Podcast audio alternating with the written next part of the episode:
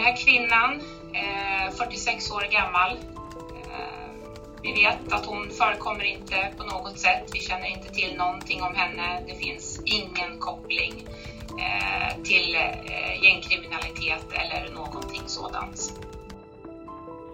Alltså jag gör ju gällande i åtalet som eh, du förstår när du läser min eh, bevisuppgift att det finns olika typer av kopplingar i utredningen till Foxtrot.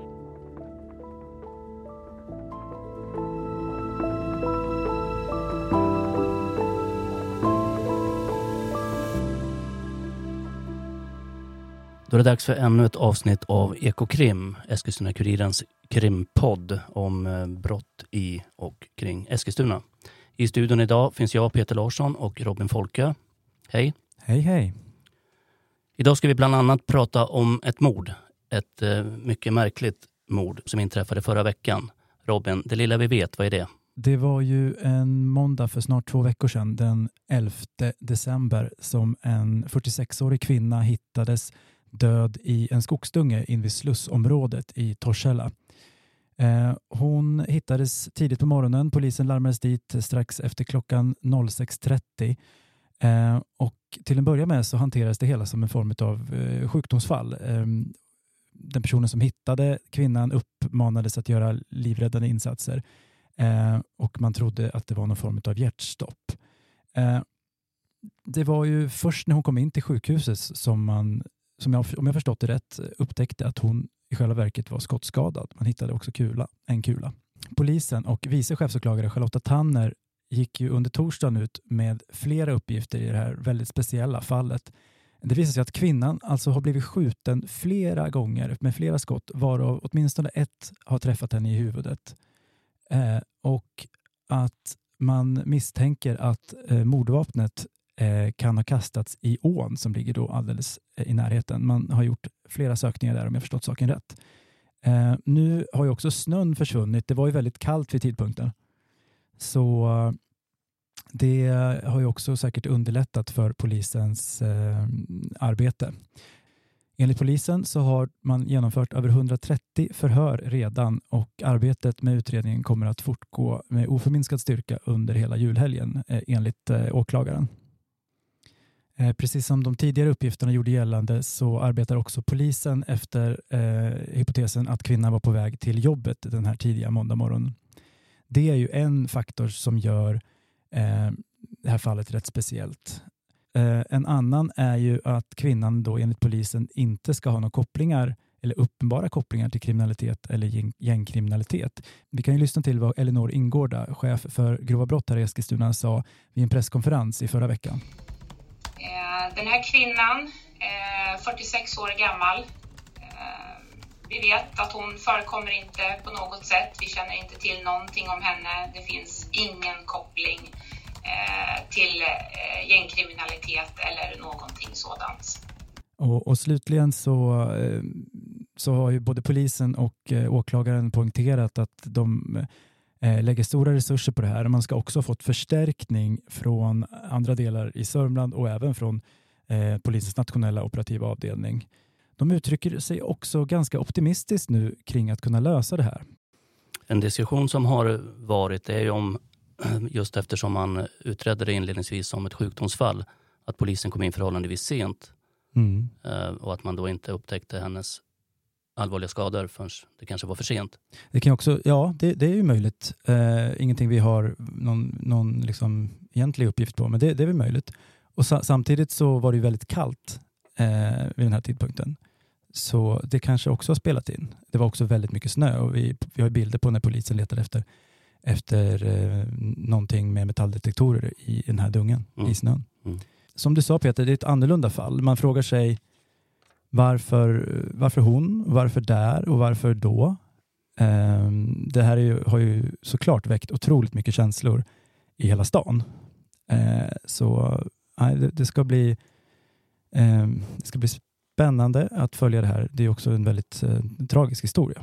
Det har väl också väckt en hel del oro i området. Ja, det, det, att, det har det. Människor har ändrat sina vanor efter, efter händelsen. Nu till ett fall som har varit på vår radar sedan slutet av augusti. Det handlar om grovt vapenbrott med eh, kopplingar till en numera väldigt känd kriminell organisation, eller hur Peter? Ja, och det handlar om Foxtrot, eh, det kriminella nätverket som väl det skrivs om och pratas om i media i stort sett dagligen. Det här var också under en period när, när eh, brottsligheten, var, brottsligheten kopplad till Foxtrot var väldigt hög. Eh, det som vi har tagit fasta på det är eh, ett åtal mot tre personer. En eh, 47-årig man från Stockholm, en 22-åring från Täby och en 18-årig kille från Eskilstuna. 22-åringen från Täby, han har en tydlig koppling till, till Foxtrot enligt, enligt åklagaren och framförallt enligt polisen. Det framgår av utredningen. Men det som hände den dagen, eh, det var den 30 augusti. Eh, då stoppades en bil vid, på E20 vid, eh, i Högnakila. Och I den bilen satt 18-åringen, 47-åringen och bak i bilen så låg ett, ett vapen, en halvautomatisk Tokarev, en sovjetisk armépistol. Vet du varför de greps där? Ja, de hade varit... Det här var inget okänt för polisen.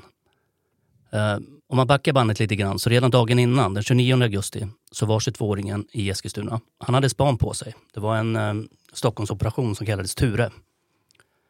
Uh, han och, vi får väl anta, andra Foxtrot-medlemmar um, var utsatta för hemlig avlyssning och hade spanare efter sig.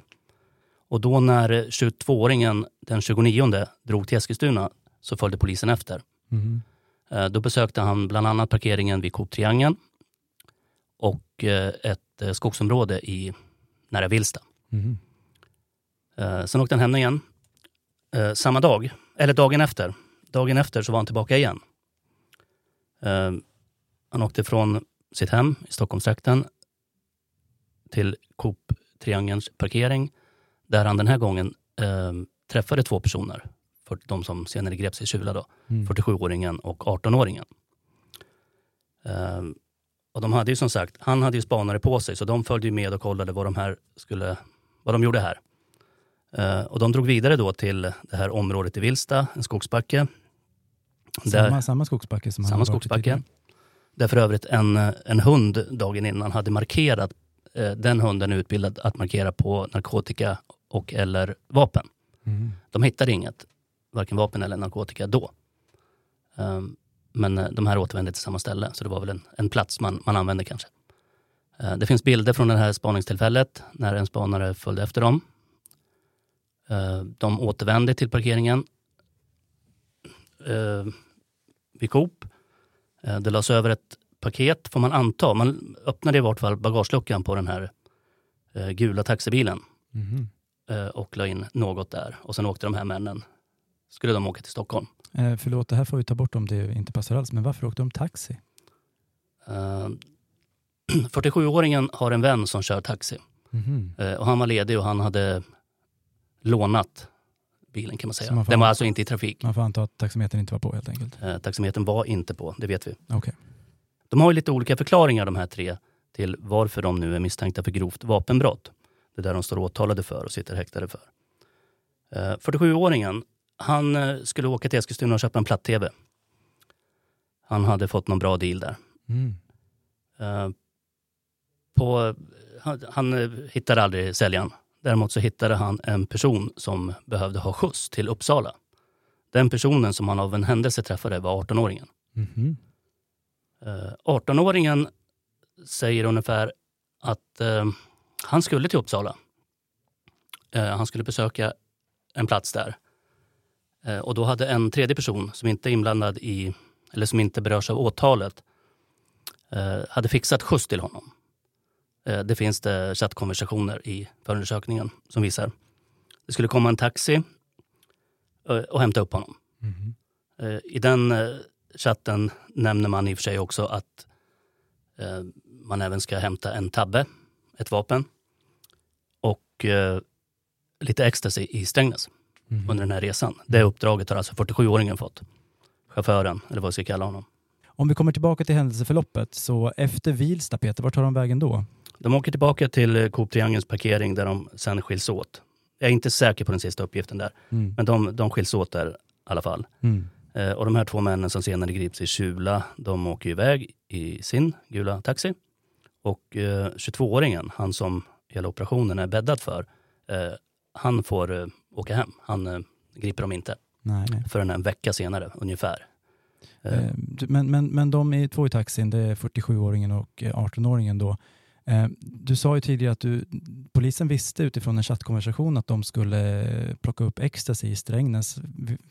Har du någon teori om där varför de inte lät dem löpa hela vägen till Strängnäs? Jag har ingen teori, men Marcus Ekman, chefsåklagare som har det här fallet, eh, han säger att det inte är ett åklagarbeslut utan en eh, polisiär bedömning. Mm. Eh, och en förklaring kan ju vara att man inte ville riskera någonting, att, att tappa bort dem. Ja, och så plus att de hade ett livsfarligt vapen i, ja. på sig. Fast och, det visste de inte vid det laget? Det anade de väl. Mm, det, var ju, det var ju ingen tillfällighet att de, att de stoppade bilen. Liksom. Nej, nej. Att, att någonting var med, det visste de ju. Just det. Eh, men 22-åringen eh, fick löpa. Hur länge var han på fri fot sen då? Ja, knappt en vecka. Okay. Sen greps han och vi vet ju inte, Marcus Ekman, åklagaren jag hänvisade till, han, eh, han vill heller inte berätta liksom, om hur många fler som var berörda av den operationen och, och om det har lett till andra gripanden och så. Mm, det, här, det här var ju under, alltså mitt under den, den hetaste perioden kan man väl säga i, i nätverket Foxtrots eh, ganska korta historia när man började se en, en ganska kraftig spricka. Ja, det är den perioden det började dyka upp där i slutet av sommaren. Mm. De här har ju då suttit eh, häktade nu i ett antal månader och det har väckts åtal. Eh, I samband med det så pratade du Peter med eh, åklagaren Marcus Ekman bland annat om kopplingarna till nätverket Foxtrot. Vi kan väl lyssna på det. Alltså jag gör ju gällande i åtalet som eh, du förstår när du läser min eh, bevisuppgift att det finns olika typer av kopplingar i utredningen till Foxtrot. Mm. Men även till eh, Benzema som väl är utbrytargruppen? Jag skriver ju bara egentligen om Foxtrot-attribut, alltså att det finns eh, symboler och liknande på olika ställen i utredningen som visar eh, kriminell kontext som jag är ute efter att bevisa egentligen. Mm. Jag för ingen bevisning om eh, tillhörighet till nätverket Foxtrot eller till någon utbryt, utbrytargruppering. Utan jag pekar egentligen bara på att det här finns och pekar på att det är liksom en kriminell kontext om du förstår vad jag menar. Det där är vad åklagaren påstår då. Eh, men vad, vad har eh, de här åtalade själva för förklaringar eh, och vad säger de själva om sin koppling till det här kriminella nätverket? Den enda av dem som egentligen har fått en tydlig fråga om sin koppling, det är 22-åringen. Mm. Föremålet för spaningen. Honom frågar de rent ut, vad är din koppling till Rawa Majid. Som är den kurdiska räven, även känd som? Ledaren för Foxtrot. Mm. Ehm, I den här förundersökningen så finns det konversationer med vad polisen menar är Rawa Majid direkt. Mm. Där han också pratar om den här eh, vapenhämtningen, mm. så att säga. Mm. Men också då att det ska, att, att det är någon som ska skjutas. Mm. Och att det är pengar inblandat. Liksom. Och, och, för att vara, vara tydligare, vem var det som var tänkt att skjuta då? Vem skulle skjuta? Det skulle Eskilstuna-bon göra, 18-åringen. Okay. Att det var hans uppdrag. Mm. Uh, det är ingenting han medger naturligtvis och det är heller ingenting han åtalas för. Nej. Uh, det enda vi vet är ju att uh, han dödade ingen med det vapnet. Då? Däremot så finns det uppgifter där han själv skriver att han är på väg att han ska ruscha till ett jobb och att om allt går bra så, så kommer han tillbaka ikväll. Just det. Uh, och då ska han göra det här jobbet åt Foxtrot. Just det. Det har han sagt i någon form av uh, chattkonversation. Ja, i ett, i ett, sms. Det är en bild som är tagen inifrån taxibilen när de var på vid Intagsgatan. Och sen har han skrivit den här texten då. Mm. Vem den är skickad till uh, är oklart. Jaha. 22-åringen, tillbaka till honom. Han, han är högst ovillig att, att prata om någonting i det här. Han, mm. han svarar mest att han inte kan kommentera det. Eh, men just när det gäller kopplingen till Rawa Majid så, så säger han att han av, på grund av sin egen säkerhet så vill han inte prata om det. Mm. Eh, och den utredningen finns det också, man hänvisar till att det finns eh, bilder på Rawa Majid och 22-åringen tillsammans i Turkiet. Mm, just det. 18-åringen, han är ju bosatt här i Eskilstuna. Vad vet vi om honom? Vad har han gjort tidigare? Vi vet att han har haft en strulig, ett struligt liv. Inte någon grovt kriminell. Han dömdes i våras för stöld mm. till, till ungdomsvård. Han har varit på lite HVB-hem. Ja, har väl haft det lite småjobbigt. Han har sagt i någon av de här personutredningarna, eller av socialtjänstens utredningar snarare, att han själv har uttryckt en oro för sin egen och sina anhörigas hälsa mm. på grund av att han har haft en skuld till kriminella. Mm. Mer specificerat än så är det inte, men det, det har ju hittills varit ett ganska känt eh, fenomen när det gäller att kriminella gäng anlitar unga. Mm. Eh, dels med hjälp av pengar och, och sådana saker. Eh, och det andra på grund av hot eller att man har, upplever en, en hotsituation. Mm. Och har man då en påstådd skuld så kanske det också är ett påtryckningsmedel. Just det. Men det, det, är som sagt ingenting som, som åklagaren går vidare med det här mordet. Så det får egentligen vara hur det vill med det, vad han nu skulle göra mm. eller inte göra. Men vad, vad, är som, det är ändå intressant att säga eftersom det här var en period då det pågick. Det, det var väldigt många som mördades i, i Foxtrot-konflikten eh, vid den här tidpunkten. Vad, mm. vad, vad, vet vi om 18-åringens uppgift eh, och varför tror man att han skulle utföra ett mord? det står, det, det här meddelandet som han själv skrev, Uh, att han ska utföra ett jobb, att han ska göra ett jobb? Ja, något i den stilen. Att han, det är föranlett av en annan konversation där han ska uh, skynda sig till Gränby. Gränby är ett uh, område i Uppsala. Mm. och han kom ju aldrig fram. Men fem, sex dagar senare, det var då den här en kvinna i 60-årsåldern som mördades, där det nu sitter två tonåringar häktade misstänkta för det mordet. Just det, en kvinna med, med släktband till någon av ledarna i Foxtrot ja, en av de som vände sig mot uh, Rawa Majid, om jag har förstått det rätt. Det. Ja, det verkar i alla fall som att han, han var kandidat till att utföra mord i Foxtrots namn. Eh, skulle han fått betalt för det här då? Eller vad, vad, skulle han bli klar från sin skuld? Eller? Det vet man ju inte, men i, i de här diskussionerna som jag har nämnt tidigare, eh, chattarna, då, då, nämner man ju summor. Någon skriver att det är mycket jappningar på gång, det vill säga mord, eh, inom kort och att ersättningen då är mellan 100 och 200 000 kronor. Just det, ja, okej. Eh, ja, eh, nu åtal är väckt. När kan vi förvänta oss eh, ett, en dom i det här fallet? Mm, kanske i februari. Huvudförhandlingen börjar direkt efter nyårshelgen. Mm. första förhandlingsdagen är den 2 januari. Ja, då återkommer vi säkert efter det. Eh, dagens sista ämne rör en 34-årig Eskilstunabo. En känd kriminell person som eh, nyligen har fått eh, ett fängelsestraff. Ja, påföljden blev två år och sex månader. Han dömdes i tingsrätten bland annat för grovt vapenbrott och grov vårdslöshet i, i trafik. Det grova vapenbrottet har vi skrivit en del om. Det var i september som polisen fick en tips från en källa som de bedömde vara väldigt trovärdig. Tipset gjorde gällande att det var en kriminell man som var känd från polisen tidigare eh, som var på väg till Årby och att han troligen var beväpnad. Det visade sig att det, det låg någonting i det där tipset för när polisen eh, kom till Årby så kunde de gripa mannen. Då var han iklädd skyddsväst. Han hade en kniv runt halsen och eh, vid, något senare så hittar man ett, eh, en skarpladdad pistol eh, med en spänd hane och kula i loppet eh, i ett buskage. Eh, det här buskaget låg, om man eh, är bekant med Årby så låg det eh, utanför den fristående förskolan Leken Roll. Där hade han precis passerat. Nu döms han nu då för befattning med det här vapnet som han själv då har förnekat att han har haft eh, någonting att göra med. Eh, han, han, han förklarat att han, han skulle städa ut någon form av lägenhetsförråd och att eh, det var därför han var i Årby.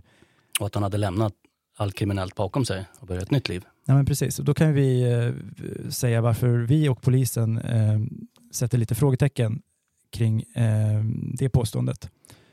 Eh, vad, vad, vad, har han gjort under sina år i Eskilstuna?